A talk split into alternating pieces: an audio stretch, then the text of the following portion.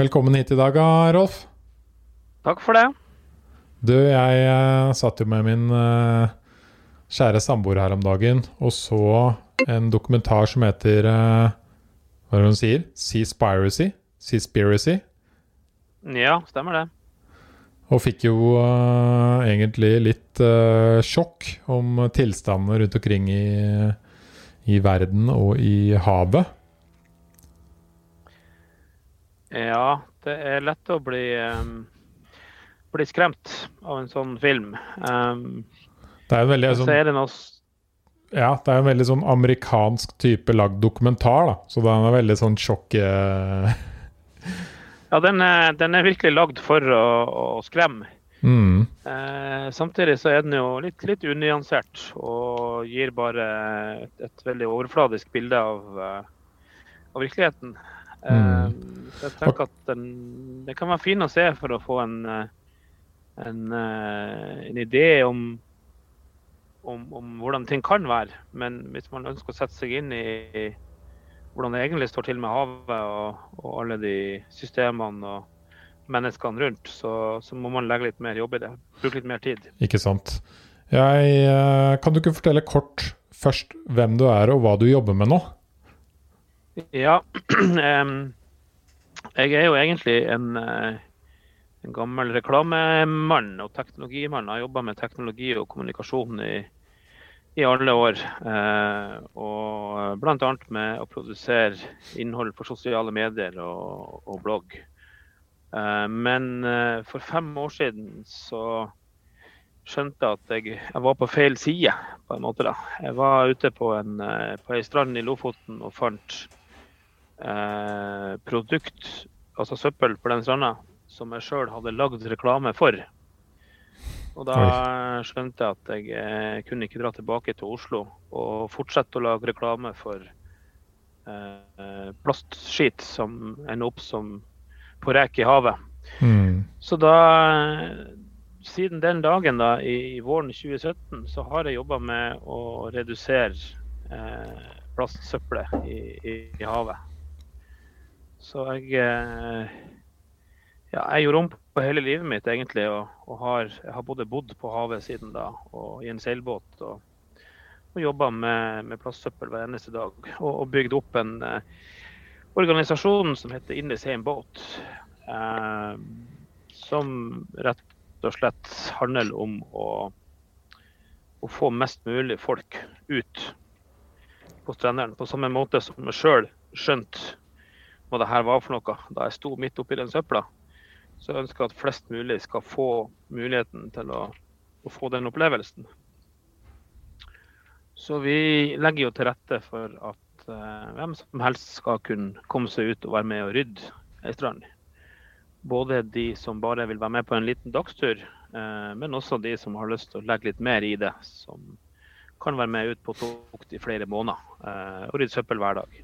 Det må ha vært litt av en livsforandring da, å gå fra reklamemann i Oslo til uh, å redde havet oppe i nord? Ja. Det, det, er et veldig, veldig annerledes uh, liv. Um, jeg er jo født og oppvokst oppe i nord her. Uh, oppe i en, en dal med bare noen få innbyggere og, og, og små forhold. Men, men, fra jeg var eh, rundt 20, så har jeg jobba med, med, teknologi og, og, på en måte hadde en, en, en karriere der jeg ble en, en, del av det eh, store maskineriet da, som man har i, i storbyen. Både med hvordan man jobber og bor og lever. Mm. Eh, der veldig mye handler om, eh, om ting ting du skal ha. Du skal ha sånne sånne klær, du skal ha sånne sånn bil, du skal ha hytte, du skal ha båt, du skal ha stor leilighet. Du skal være på den beste kanten i byen, og du skal gjerne eh, reise mye. Det er veldig mye da, i, det livet der som, som handler om forventninger som, som er skapt. Om, om hvordan et, et, rikt liv skal være, og et godt liv skal være. Og, og, som, og jeg var en del av det maskineriet. Eh, jeg var med og skapte det på mange måter. Um, både for meg sjøl og, og, mange andre. Og skapte bildet, ikke sant. Når jeg jobba med, med, kommunikasjon, så fortalte jeg folk hvordan vi skulle leve. Og det som jeg gikk tilbake til, er jo det motsatte. Det enkle, hvor man har ingenting. Alt er ei. Da har jeg en liten lugar på en, en seilbåt. Og eh, jeg har ikke vært på shopping på fem år. så det er liksom Ja, det, for meg så var det en, eh, en stor endring. Eh, men eh, ja, det, det, det, har vært bare godt, bortsett ifra selvfølgelig at det får sett familien mindre. For jeg flyr jo så lite som mulig, ikke bare av miljøhensyn nå, men også pga. koronasituasjonen, selvfølgelig. Mm. Så Men ja. Det, du sitter du i båten nå, eller? Det er mange flere skulle ha prøvd. Jeg sitter i båten nå, ja. Du gjør det, ja? Det var det jeg syntes jeg så, tror du. Ja da. Det er jo helt rått. Og som du sier, vi lever jo i et sånt ekstremt uh, forbrukersamfunn hvor veldig mye handler om ting. Jeg tror også det er, gjør at veldig mange hele tiden går rundt stressa. Det er veldig mye forventninger om hva man skal ha og mm. hvordan man skal leve. Spesielt når du bor i en by. Ja, det, det er det. Det er viktig å, å leve opp til de, de, normene som gjelder. Så eh, og, og, man blir på en måte lært opp til at det å, å kjøpe ting det er en eh, så Det ligger en slags glede i det, da. Og det, jeg kjenner jo den følelsen sjøl. Jeg kjenner det jo igjen. Selv om jeg ikke har vært på shopping, så, så er det gøy å skaffe seg nye ting. Mm. Eh, eh, og man blir så eh, underbevisst påvirka av å gå rundt hele tiden og få sånn reklame som sniker seg inn her og der. Eh, jeg merker her om dagen, jeg har masse eksempler fra mitt eget liv, at jeg hadde plutselig lyst på ny sånn smartwatch. Og så begynte jeg å reflektere litt over det. Bare sånn mm. Hvorfor har jeg lyst på ny smartwatch nå? Jo, det hadde vært kult. Ja, men ok, hva er egentlig grunnen til det? Mm. Jo, faen, jeg så jo det på en reklame, og den så jo litt kulere ut enn min. Og da klarte jeg heldigvis ja. å ta meg sjæl i det. bare sånn, Den her er jo absolutt alt jeg trenger. Ja, det, det er jo sånn. Vi blir jo bombardert med, med budskap om hva vi trenger mm. hele tida. Men det er interessant å komme fra reklamebransjen, da, fordi uh, der spiller man veldig mye på psykologien til mennesker. Gjør man ikke det?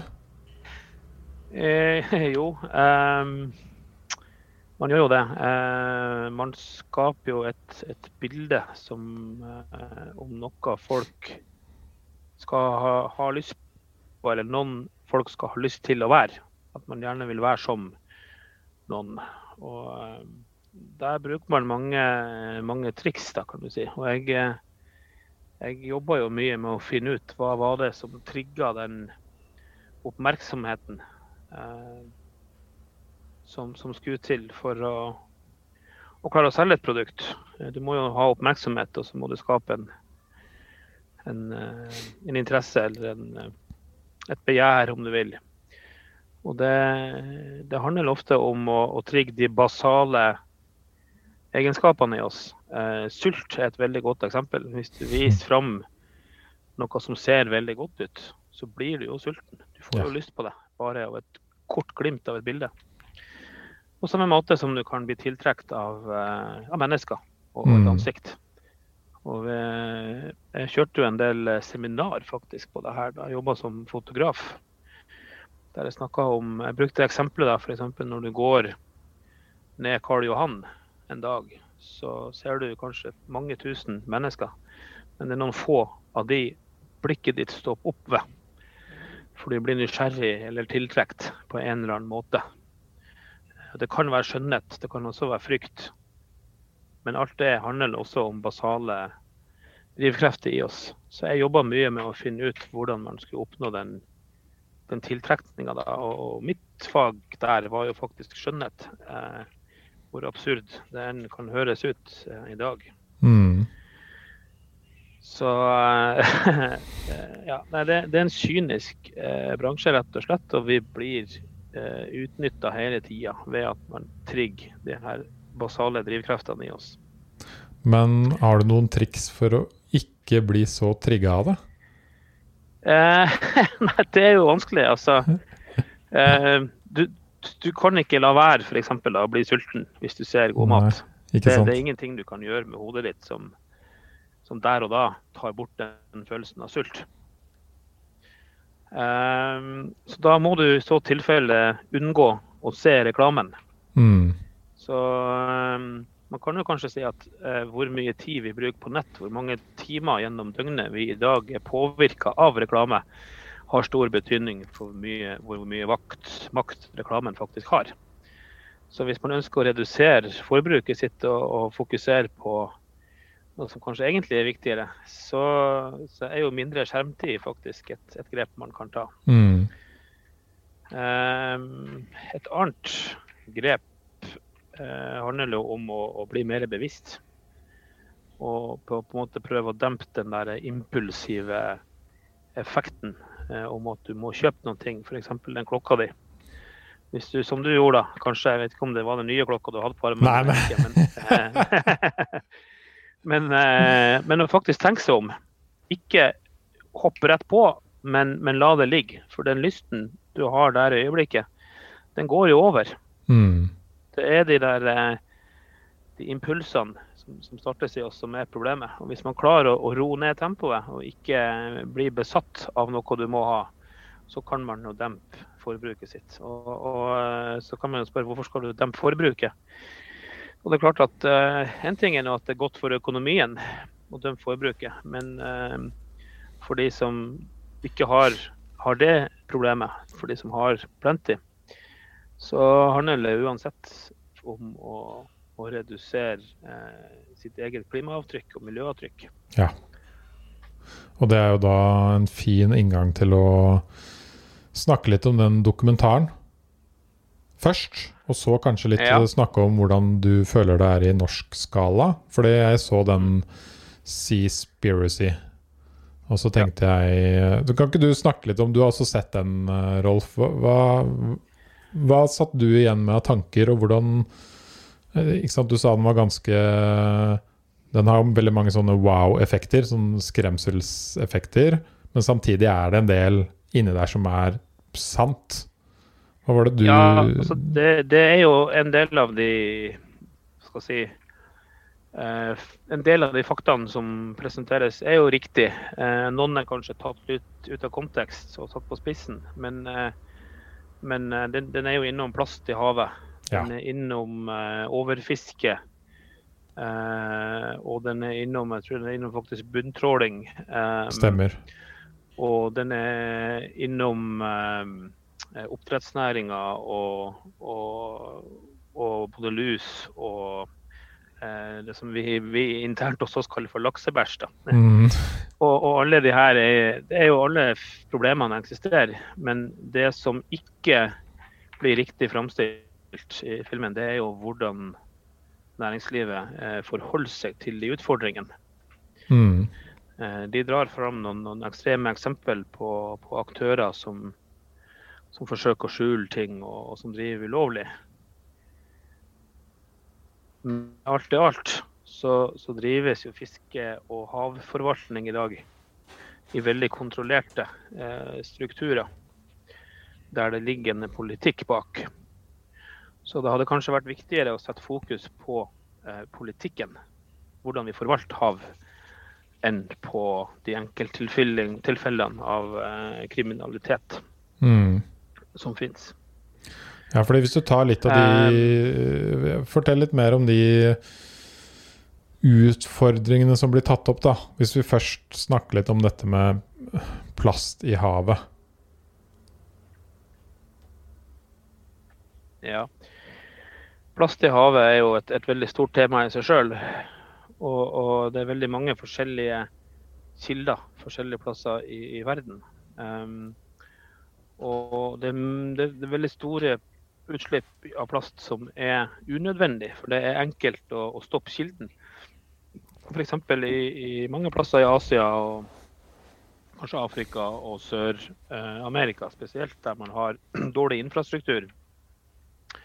Der handler det om å bygge opp infrastruktur som, som gjør at man kan håndtere søpla på en bedre måte, sånn at den ikke havner på avveie eller i havet. Uh, mens i andre deler av verden, f.eks. I, i Norge, så, så, er det jo ikke plast som er dumpa på havet vi finner. Vi finner plast som er mista ved uhell. Mm. Uh, først og fremst fra fiskerinæringa. 70-80% av det vi finner er jo fiskerirelatert. Det dyre produkt eh, vi finner. Eksempelvis kan vi finne trålsekker fra fabrikktrålere eh, og fiskeutstyr som veier, koster mange hundre tusen. Og det er jo ingen som ønsker å miste dem på havet. Men det er de mengdene av eh, fiskeutstyr som er i bruk, som gjør at om så bare en liten del av de blir mista, så blir det til veldig store volum. Så 70-80 ja. av det dere finner i, i Norge, og de mente vel også det var noe uh, i den uh, duren i hele verden, var det ikke det? At på en måte fiskenett Jo, det snakkes. Ja. Uh, det finnes forskjellige rapporter og forskjellige måter å se det på. men når du måler vekta av plast som finnes i havet, så er det veldig mange rapporter som opererer med tall fra mellom 50 og 80 er industrielt fiskeutstyr. Mm. Og så var jo litt av poenget i den dokumentaren var jo at det hører vi veldig lite om. Men vi hører veldig mye om det at vi skal på en måte slutte med disse uh, Ja. Og det her er jo, det er jo politikk. Og det, det, det, er litt langt å, gå litt langt å si at det er, er, lureri, selv om enkelte kanskje vil se sånn på det. Men, men politisk sett så er det jo sånn at f.eks. næringslivet og de økonomiske interessene, de har sine interesseforeninger og, og, lobbyister, om du vil, som, som, gjør alt det de kan for at næringslivet skal ha så gode vilkår som mulig. Og Det kan f.eks. bety da at fiskerinæringa som helhet de ønsker ikke så mye fokus på her, det fiskeutstyret vi finner. De ønsker å dyste det ned. Og Da kan det være greit fordi at eh, man snakker mye om eh, sugerør og engangskopper i storbyene. Mm. For det, tar, det her det, det, er deres natur å, å, gjøre det. Det er en egenbeskyttelse. eller på samme måte som de som uh, tar seg en kaffe på en kaffebar i byen. De vil si at nei, vi har aldri kasta plast i havet. altså, det, det, er helt naturlige mekanismer, men det er jo det vi må snakke om. Vi er nødt til å utfordre hverandre, altså på tvers av næring og på tvers av miljøorganisasjoner. og og næring og politikere. Og så må man tenker jeg, prøve så godt som mulig å opplyse befolkninga underveis. Eh, og ikke, ikke, nødvendigvis ta de diskusjonene på bakrommet, men få det ut i, i media og det åpne rom. Så, så, det er mange sånne mekanismer. Og, og, for min del så lærte jeg mye om det da jeg begynte å jobbe med miljø. Mm. Da, da forsto jeg mer av hvordan hvordan politikk virker, og hvordan miljøarbeid virker, og hvilke krefter som er i sving. Og, og Det man kan si er litt, litt uh, frustrerende når man har valgt å jobbe på, på parti med naturen og, og, miljøsaker, det er jo det at man har ikke ressurser. Man har ikke noe kapital i ryggen. Man har ikke den finansieringa som trengs. Man blir ikke nødvendigvis invitert inn i den politiske debatten.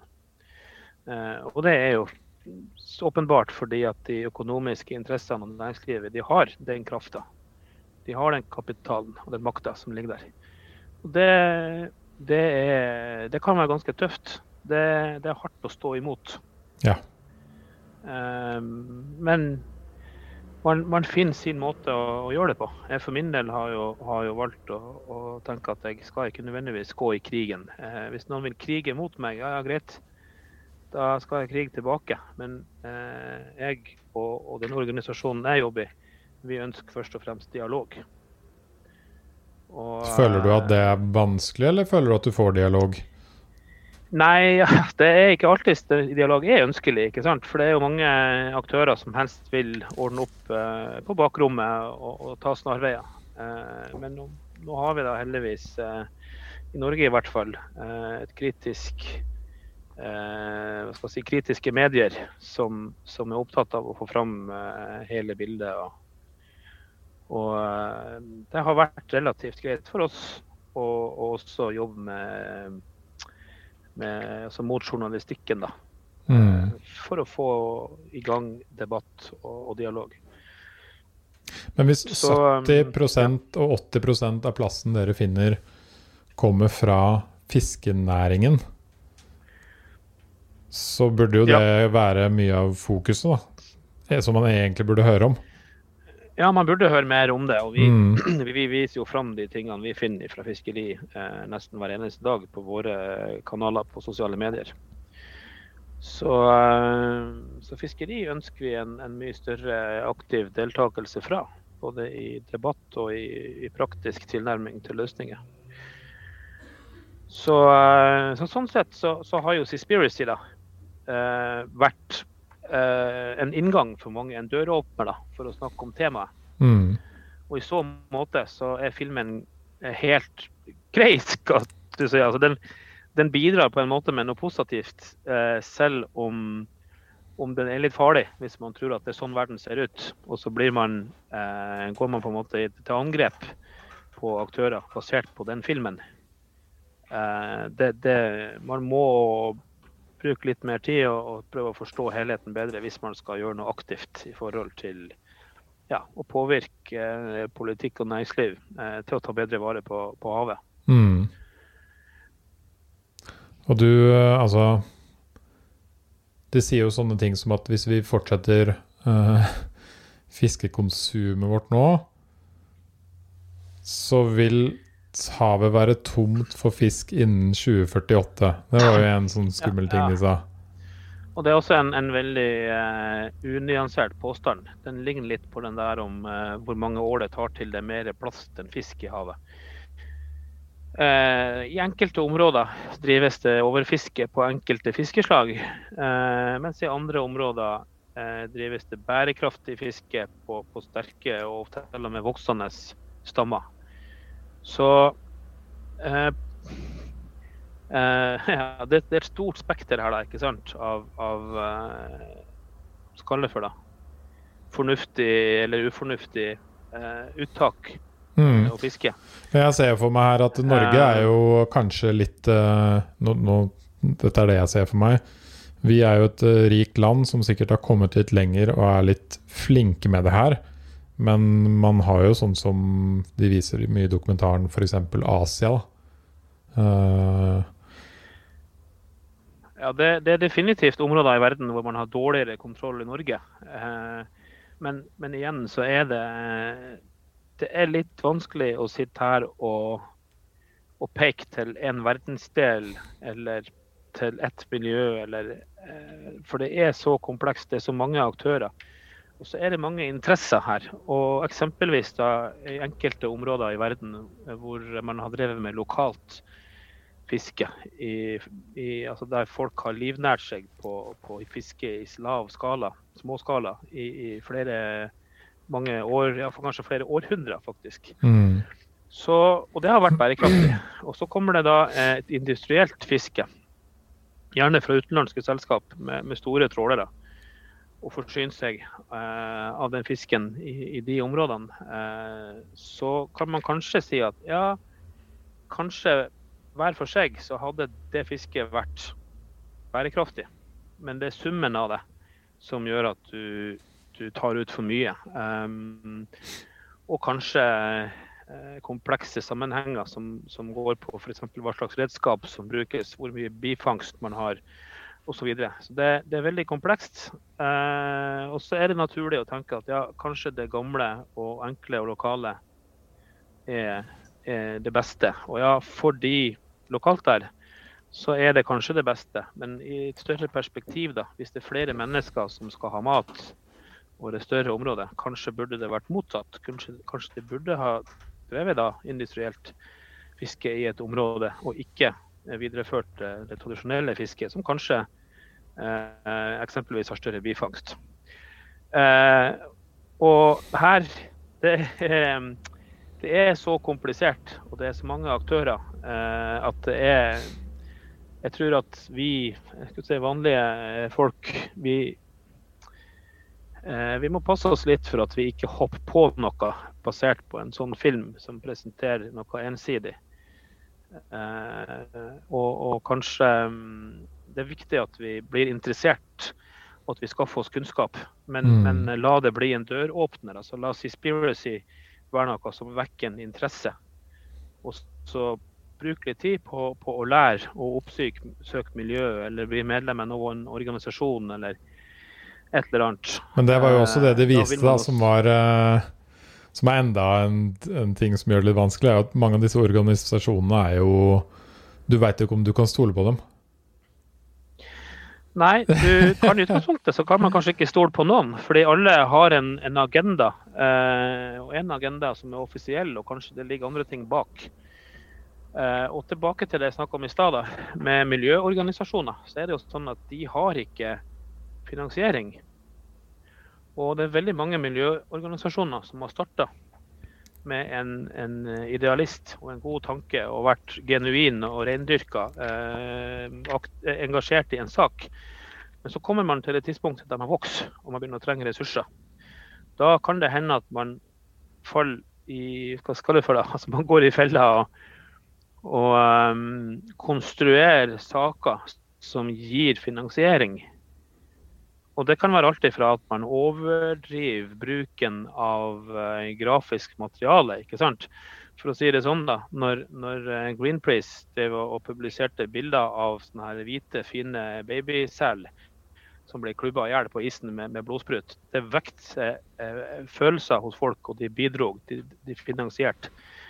Ja, saken var god, eh, men kanskje også det var et unyansert bilde av, eh, av selvfangst. ikke sant? De ønsker å fremstille det så grovt som overhodet mulig for, for å få reaksjon, men også for å få funding. Um, og, og derfor så, så, så er det Man skal være litt kritisk også når man, når man uh, uh, si, melder seg inn i en organisasjon eller, eller, eller tar parti. Det er veldig bra med miljøengasjement, og det er veldig mange eh, fine organisasjoner.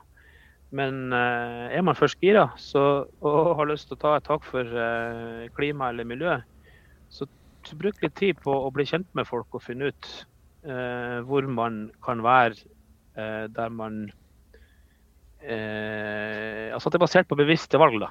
At du har en viss kunnskap før man eh, hiver seg på. Det er mange som syns det er kult å bare melde seg inn noe og så betale litt. ikke sant? Du Det er medlem en eller annen plass, ikke sant? og så betaler du noen kroner i måneden, og så har du bedre samvittighet. Og Det kan være fint, det, men, men eh, det vil, du kan bidra med enda mer hvis du, hvis du tar et mer bevisst valg og er aktiv. Og, og det med å være aktiv her, det handler jo om å formidle kunnskap. Du kan alltids betale medlemskap til en miljøorganisasjon, og, og, men, men skal du virkelig forandre på noen ting, så må du bruke stemmen din. Og det handler, det handler om både stemmen din når det er valg, men det handler også om hvem du snakker med, og hva du velger å snakke om. Hva slags samtaler tar du opp når du møter vennene dine? Snakker du om vindmøller og, og hval og Seaspiracy, eller snakker du om de nye buksa du kjøpte? Eh, du, altså, du skjønner hva jeg mener, ikke sant? Du kan, Mm. du kan bidra til å skape fokus og snakke om, om de tingene. Um, Men det er jo også en, en sånn dokumentar veldig flink til å gjøre, da. Ja, ja, ja, absolutt. Så, så det er litt sånn Jeg har ikke lyst til å si at Seaspiracy ikke var bra. Men jeg har lyst til å si se den og, og, og bli frustrert. Og så begynner man å grave i alle de fantastiske dokumentarene og, og bøkene og det du finner på nett. Altså, jeg og dama så jo den, og Eh, etter det så, så frista det jo ikke å spise en eneste fisk lenger, ikke sant? ja. Nei, det, og det er mange som reagerer sånn. Ja. Og, og eh, som sagt, jeg tror det, det, det er bra eh, å få en sånn, sånn vekker. Eh, og starte noen tankeprosesser. Og så må Mm. man ikke la det ligge der. Man liksom gå videre. Ikke sant? Jeg syns altså for så vidt det er veldig bra det du sier. Man, man burde se sånne dokumentarer for å sette i gang noen følelser eh, inni seg, og så sette seg inn i problemet. Og Det er derfor jeg snakker med, litt med deg i dag, fordi jeg tenkte med en gang Ok, den uh, setter fokus på veldig viktige ting, men jeg aner ikke hvordan det er i Norge. Nei. Uh, ja. Um, ja, Norge er jo et interessant land når det gjelder hav. Eh, Både fordi vi har veldig, veldig mye hav i Norge. Vi har verdens nest lengste kystlinje og enorme havområder som vi, som vi forvalter og har mulighet til å bestemme over. Som vi har mulighet til å, å forvalte på en veldig god måte. Og så er det jo spørsmålet om vi gjør det, da. Eh, vi har jo også verdens eh, største fiskeindustri. De største selskapene i verden på fisk er norsk, eller har iallfall vært norsk, før de da ble fragmentert i internasjonale eierskap. Um, men uh, ja, jeg vet ikke hvor jeg skal starte. Altså Vi har um, um, Jeg vil si at vi har utgangspunktet er bra forvaltning i Norge når det gjelder fiskerivirksomhet. Um, vi har, uh, det er gjort mye forskning på de forskjellige artene i havet vårt. Vi har god oversikt over, uh, over de forskjellige bestandene. Og man gjør så godt man kan for å ta gode valg ut ifra det. At uh, kvotene henger sammen med, med, med bestanden. Mm. Og det tror jeg kanskje vi, kanskje vi er blant de beste i, i verden på. Ut ifra det som jeg vet. Jeg er jo ikke noe verken fisker eller eh, Jeg har bare blitt kjent med næringa. Eh, først tidligere da jeg leverte teknologi til, eh, til havbruksnæringa, men, men, også gjennom det jeg driver med nå. Men vi er ikke like flinke når det gjelder bevaring generelt og, og utslipp. Nei. Der har vi litt Eh, litt å gå på. Bevaring og eh, utslipp? Ja, det, det, handler om at vi eh, fortsatt slipper ut eh, både urensa kloakk, som et av få land i altså Det er nesten ingen land i Vest-Europa som, som, slipper urensa kloakk i havet, eksempelvis, men vi gjør det fortsatt. Altså Det visste jeg ikke. Hvor, hvor er det vi gjør det, og hvorfor gjør vi det egentlig? Nei, jeg kjenner ikke til eh, det fulle omfanget av det. Men det er jo noe vi har, har lært etter hvert og vi også har sett sjøl. Det, går jo, det går jo på områder og, og byer eh, og plasser det bor folk, da, hvor det ikke er renseanlegg, rett og slett. Så det kan være mange grunner til det. Eh, det kan være geografi og, og, og altså størrelsen på befolkninga. Hvis det er fire stykker som bor på ei øy, så, så, er det veldig Da blir det dyrt å lage et eh, kloakkrenseanlegg. Kanskje de ikke har veiforbindelse til og med. Så du har en del åpenbare situasjoner hvor det, hvor det, er veldig upraktisk å, å rense kloakk. Nå er nødvendigvis ikke urensa kloakk noe stort problem heller. Eh, det går mer eh, laksebæsj i havet enn det går menneskebæsj i, i Norge. Ja. Og all fisken som lever i havet, den, den bæsjer i havet også. Så, så kloakken i seg sjøl er ikke eh, nødvendigvis eh, et problem. Men en del av de andre stoffene som går rett i havet, eh, kan være et relativt stort problem. Eksempelvis vaskemidler og kjemikalier og, og mikroplast fra klesvask. Ja, Det var det jeg på en måte tenkte å si. at uh, altså Det som kommer ut av kroppen vår, det er vel ganske nedbrytbart og Absolutt. kan brukes til noe positivt. Uh, men når du hiver klor og vaskemidler og, og som du sier, skaper mikroplast, og det kommer ut i havet, så er det kanskje et, et større problem, da. Ja, det, der har vi definitivt et forbedringspotensial. Men vi er også i ferd med å Eller vi har jo allerede en del gruvevirksomheter som får lov å sende eh, gruveslam rett i havet. Okay. Og det er jo bare eksempler på, på uh, hvordan vi, når det er dyrt å løse på en annen måte, eller hvis det kan være til hinder for, for næringsvirksomhet, så, så, omgår vi de åpenbare eh, kravene om, om, å ta vare på havet. Hmm. Eller hva skal jeg si? Ja, du kan si det sånn. Ja. Um, så, så, økonomien får på en måte styre litt for mye. Og nå er det veldig mange du kunne ha snakka med om akkurat det her, som har veldig mye mer kompetanse enn meg på det praktiske. Eh, hva slags stoffer, hvilke volum og hvilke skader det gjør, og alt det her. Så, så, jeg er mer sånn, eh, hva skal jeg si, mitt fokus er mer generelt i den sammenhengen. Eh, og, og, jeg tenker at i Norge så har vi så god råd. Vi har så sterk økonomi. Myndighetene har så, så mye kapital at vi burde ha tatt de små investeringene som skal til eh, for å, å, unngå noe mer utslipp enn det vi allerede har gjort. Ikke sant. Det, det er så enkelt. Men Så det er en av utfordringene vi har. Hva annet er det?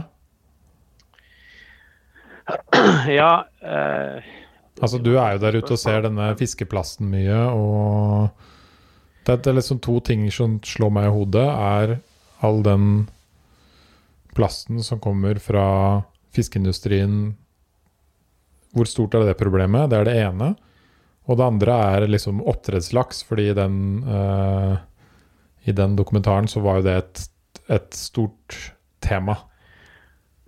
Man kan si mye om uh, oppdrettslaks. Um, men uh, for å si noe, noe konstruktivt da, om uh, oppdrettsnæringa, så er det vel kanskje den næringa som endrer seg raskest mot bedre bærekraft.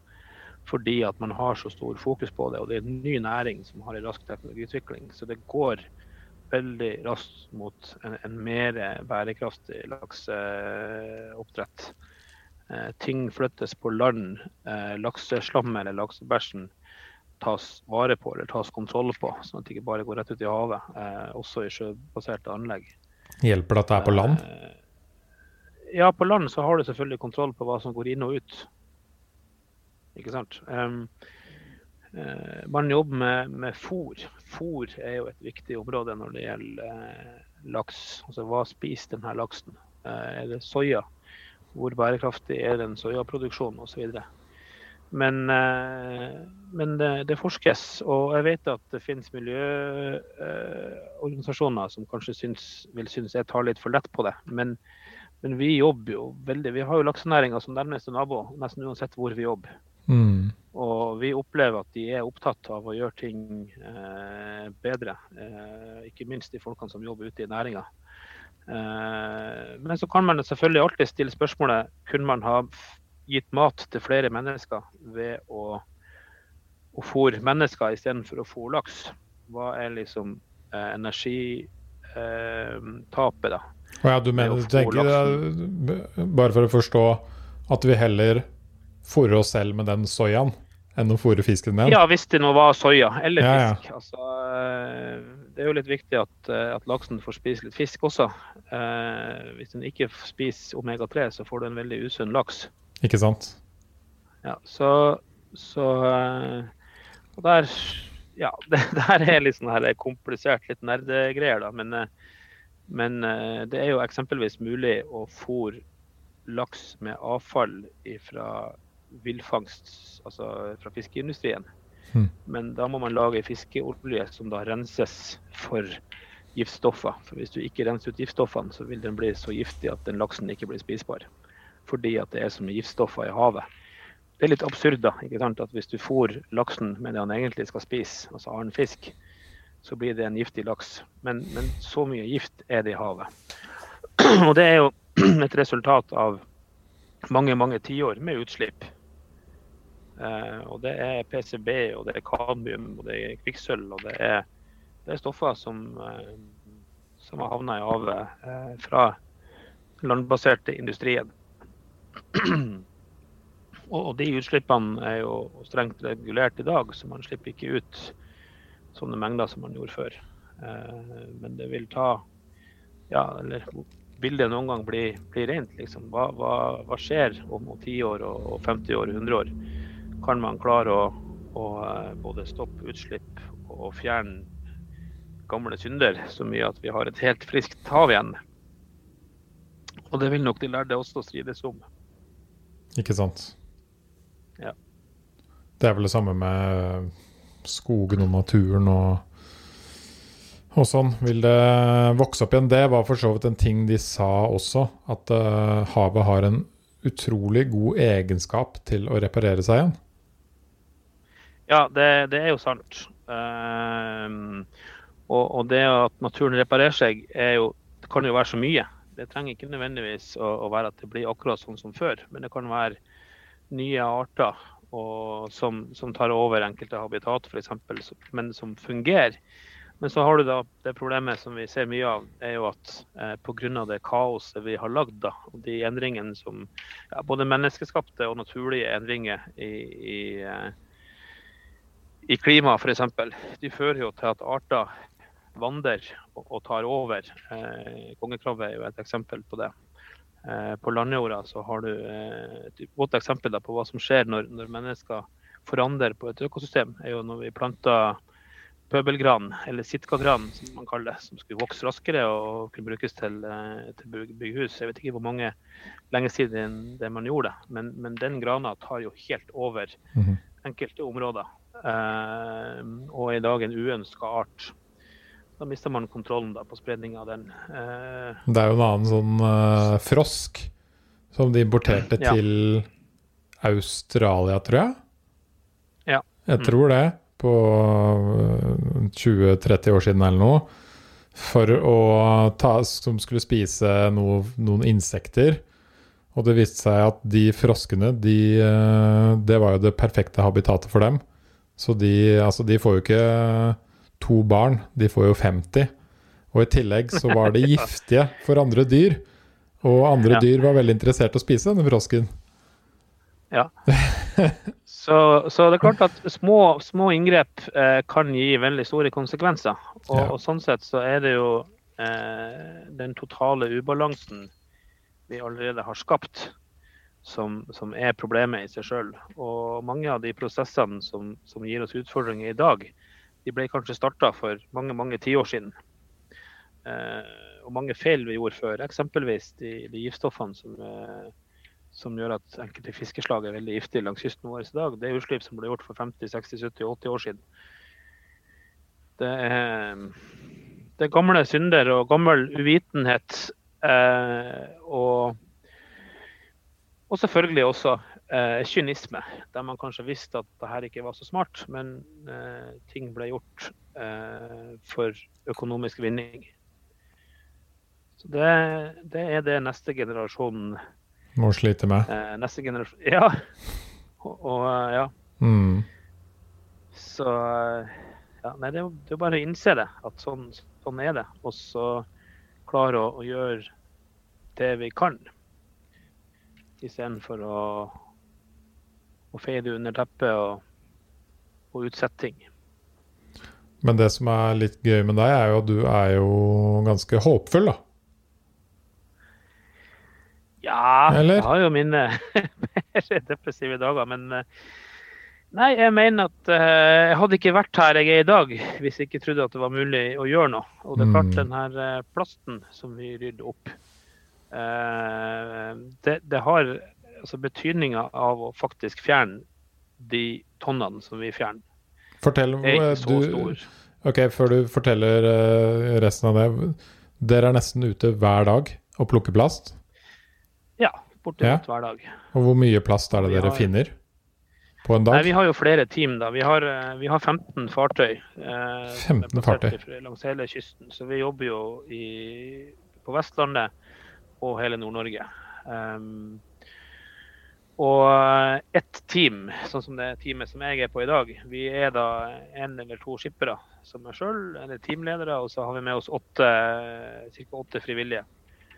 Og på en god dag så kan vi rydde ca. tre tonn plast på, på et sånt her team. Uh, vi har en teknisk kapasitet i år på å rydde 1000 tonn Wow. i vår organisasjon. Men uh, vi kommer nok ikke til å rydde så mye. Eh, fordi at vi også må bruke tid i områder hvor det er mindre plast. Ja.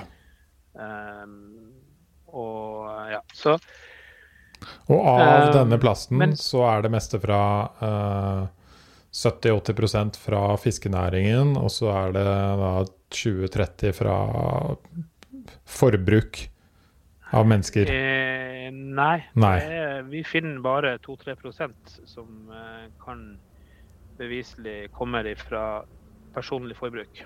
Kan du gi noen eksempler på, på hva de tingene er, som man finner fra både Personlig forbruk.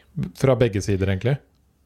Ja, eh, personlig forbruk det kan jo være eh, snacksemballasje. Mm. Eh, ta tannbørster, deodorant, eh, sexleketøy. Så det, det, det er åpenbart personlig eh, forbruk. Um, uh, det, den andre store uh, biten da, som ikke er fra fiskeri, det er fra annen industri. Um, og da er det jo uh, olje, oljenæringa og shipping, altså industriell aktivitet på sjøen, men som ikke er fiske, som står for den største parten. I går henta vi inn ett enkelt objekt fra offshorevirksomhet på, på 2,2 tonn. En stor eh, oppdriftsbøye fra en, en ankerkjetting på en plattform. Så det er klart at når de først mister noen ting, så er det gjerne stort Mm. og tungt. Så det blir mye volum av det. Sånne bøyer de kan være fullt med, med plastskum og tusenvis av plastkuler som, som sprer seg over store områder. Oi. Så ei enkelt bøye kan bidra med ganske mye eh, forurensning. Um, men det jeg skulle fram til, var på en måte at vår innsats, det viktigste med den, er ikke at vi klarer å, å få inn de tonnene med plast, men at vi klarer å vise det fram Mm. få det ut, publisere det på Facebook, snakke med media, sånn at befolkninga blir oppmerksom på forsøplinga. For det er da man får starta prosesser som fører til redusert forsøpling. Så, så det viktigste vi gjør, det er å kommunisere. Den opprydninga vi gjør, den, man kan godt se på det som at det har med eh, det, det største problemet med den store plasten som ligger langs fjæra, det er jo egentlig det visuelle. Altså vår oppfatning av en ren kyst. Eh, det er litt brutalt å si det, men, eh, og det er selvfølgelig mange dyr som, som blir skadd av plasten. Vi har funnet både levende og døde sau og reinsdyr og, og gnagere og fugler i den søpla. De setter seg fast, og så, så sulter de i hjel eller blir angrepet av, av rovdyr mens de sitter fast. Og det, det er klart det er, det er en god grunn til å rydde opp, er at vi, at vi sparer de enkeltindividene. Det handler om dyrevelferd. Ja. Eh, og så kan man jo også si at alle de tonnene med, med plast som vi tar bort, de blir ikke til mikroplast. Sånn at de, og det er først når de blir til mikroplast at de går inn i, i kretsløpet, altså i næringskjeden. Når de er store, så, så er det kun til skade for det enkelte individet som eventuelt blir berørt der. Men blir det til mikroplast og sprer seg i havet, så, så, så kan det utgjøre en, en stor trussel. Eh, Det fins få forskningsrapporter som viser de faktiske skadevirkningene av mikroplast. Men eh, det kommer flere og flere. Mm. Eh, og sånn sett så kan man si at det er greit å, å fjerne noen tusen tonn plast per år i, i Norge. Det er jo Totalt sett så har man jo ligget de siste årene mellom 1500 og 2500 tonn totalt rydda i Norge, med alle som er med og deltar per år. Um, så, men det er fortsatt bare en liten del av det som ender opp i havet. Veldig mye blir aldri rydda. For det Hvor mye mer hvor, hvor stor prosent føler eller tror dere at dere får rydda? Nei, jeg, jeg vil ikke engang uttale meg om det. Fordi at det er så stor usikkerhet i de, de, de tallene. Det opereres med, med noen så svære tall om, om, om hvor mye plast som havner i havet hvert år. Men det er ikke basert på hvor mye man har funnet. Det er bare tall som er basert på hvor mye man ikke klarer å gjøre rede for. Eh, så, eh, så det er litt sånn teoretiske tall, da. Men eh, det, det aller meste vil nok eh, gå i oppløsning eller synke eller bli liggende i plass der man aldri får tak i det. Eller akkumuleres opp i, i strandområdet, der det kan ligge lagvis Ja. og dypt ned i, i jordsmonnet. Så eh, den viktigste grunnen til å fortsette å rydde, det er å fortsette å vise fram hva vi finner, for å plassere ansvar og for å skape endring. Ikke sant. Og så hvordan Jeg har vel også lest og hørt om at det er eh, At uh, staten støtter jo veldig mange sånne prosjekter. Hva var det du sa på telefonen? 1,5 milliarder kroner eller noe? Ja, det tallet på Altså det er ca. 500 millioner i Norge hvert år som går helt spesifikt til tiltak mot marin forsøpling.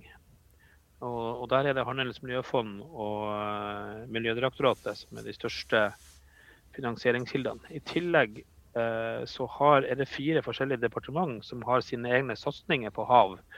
Der de har egne statlige selskap som har sine budsjett. Og så har du en del midler som går eh, bl.a. via Norad og andre på en måte eh, internasjonale ordninger. Eh, og du har eh, sparebankstiftelser og andre stiftelser som gir penger til saken. Så vi har gjort et grovt estimat som tyder på at det er ca. 1,5 milliard i Norge per år som brukes øremerka eh, hav og, og, og, havmiljø, kan du si. Blir de pengene godt brukt? Eh, det, vi, vi, har jo gått litt i dybden og prøvd å spore eh, en del av de pengene og finne ut hvor de faktisk eh, ender opp.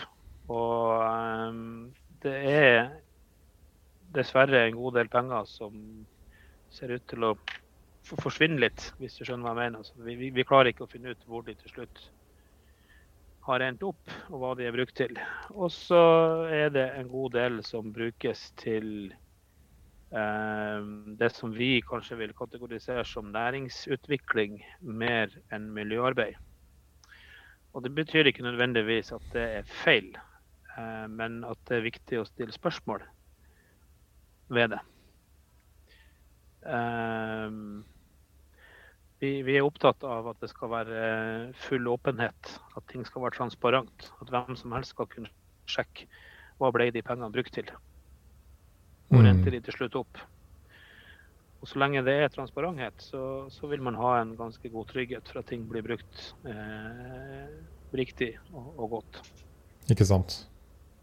Og man må jo for så vidt, som du sier, bruke noe penger for å investere i bedre løsninger enn det man har i dag. Men jeg kan jo se for meg også at mye blir brukt på administrasjon. Og, og timer som man ikke akkurat brukes på å rydde. Ja, eh, det kan godt være. Og sånn sett så er jo ikke rydding alene hele løsninga. Men hvis vi ser sånn på det, så kan du si at det å faktisk rydde alt det som kan ryddes i Norge, det kan gjøres eh, for en plass mellom 3 og 5% av de totale midlene. Eh, hvis de pengene brukes riktig. Og Det betyr at du har vanvittige summer du kan bruke til næringsutvikling og innovasjon osv.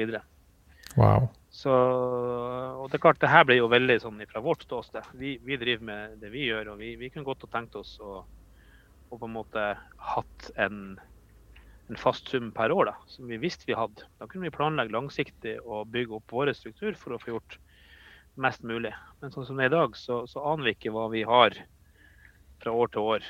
Og eh, ja, det er jo tøff tid på året, da, den der juletida, da, hvor man ikke an om man har en plass å være og noe å gjøre eh, mm. til neste år.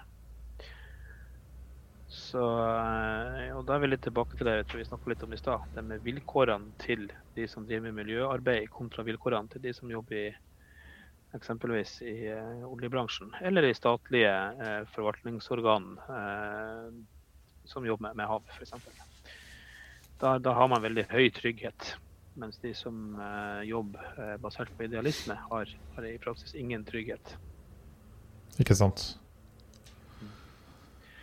som liksom en litt sånn forvirra person som har sett Seaspiracy og hørt deg snakke og sånn, hva er det vi som Det er ofte vanskelig som forbruker å tenke hva er det jeg kan gjøre i livet mitt som gjør dette problemet litt mindre?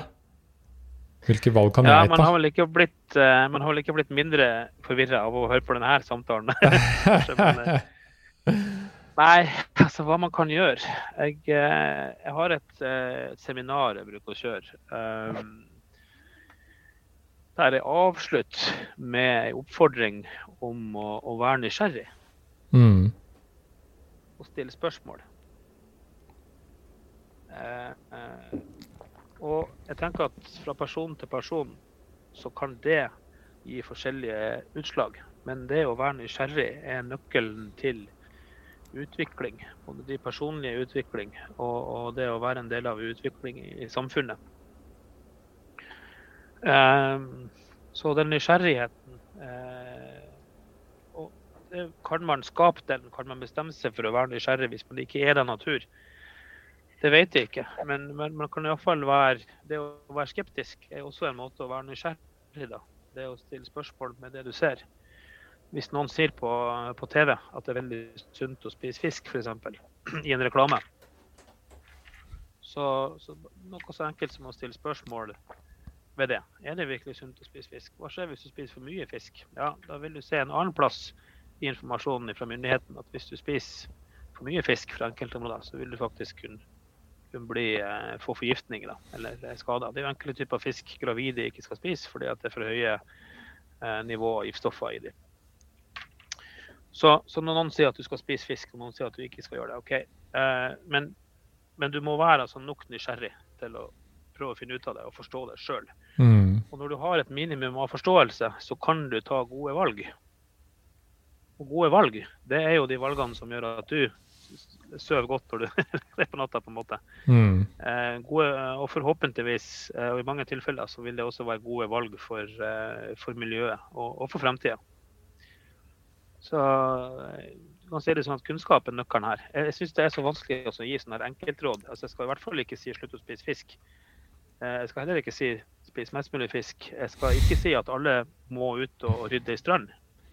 Ikke sant? Eh, for det blir bare tøys. Det, det skjer ikke. Eh, men, men, alle har muligheten til å prøve å lære litt mer. Se mm. et par dokumentarer. Ikke sant. Gjør et Google-søk. Start med det. Gjør et Google-søk. Jeg vet ikke om du blir mindre eller mer forvirra av et Google-søk nå om dagen. da. Nei, eh, og det er klart Google er jo basert på algoritmer, så der blir man jo også Man må jo, må jo være kritisk til Google også. Nettopp. Men, men eh, det, Så det, det, er på en måte et komplekst eh, råd jeg prøver å gi, da. Men hvis man klarer å finne den balansen, da, hvor man ikke bare surfer gjennom livet og tar altfor god fisk, mm. men, men er litt kritisk og stiller spørsmål og prøver å lete etter en mening med ting Eh, så, så, kan det gjøre en forskjell. Det, jeg tror det er en livsstil og en måte å leve på. Og, og, eh, og som du også var inne på her i starten, stille seg sjøl spørsmål med hva vi trenger. Yes. Trenger vi denne T-skjorta? Eh, trenger vi denne klokka? Eh, når vi kjøper et eller annet billig skrap, eller ei T-skjorte til en hundrelapp her, så er det noen som har produsert den skjorta en plass i verden, som er underbetalt som ikke har råd til å betale skatt.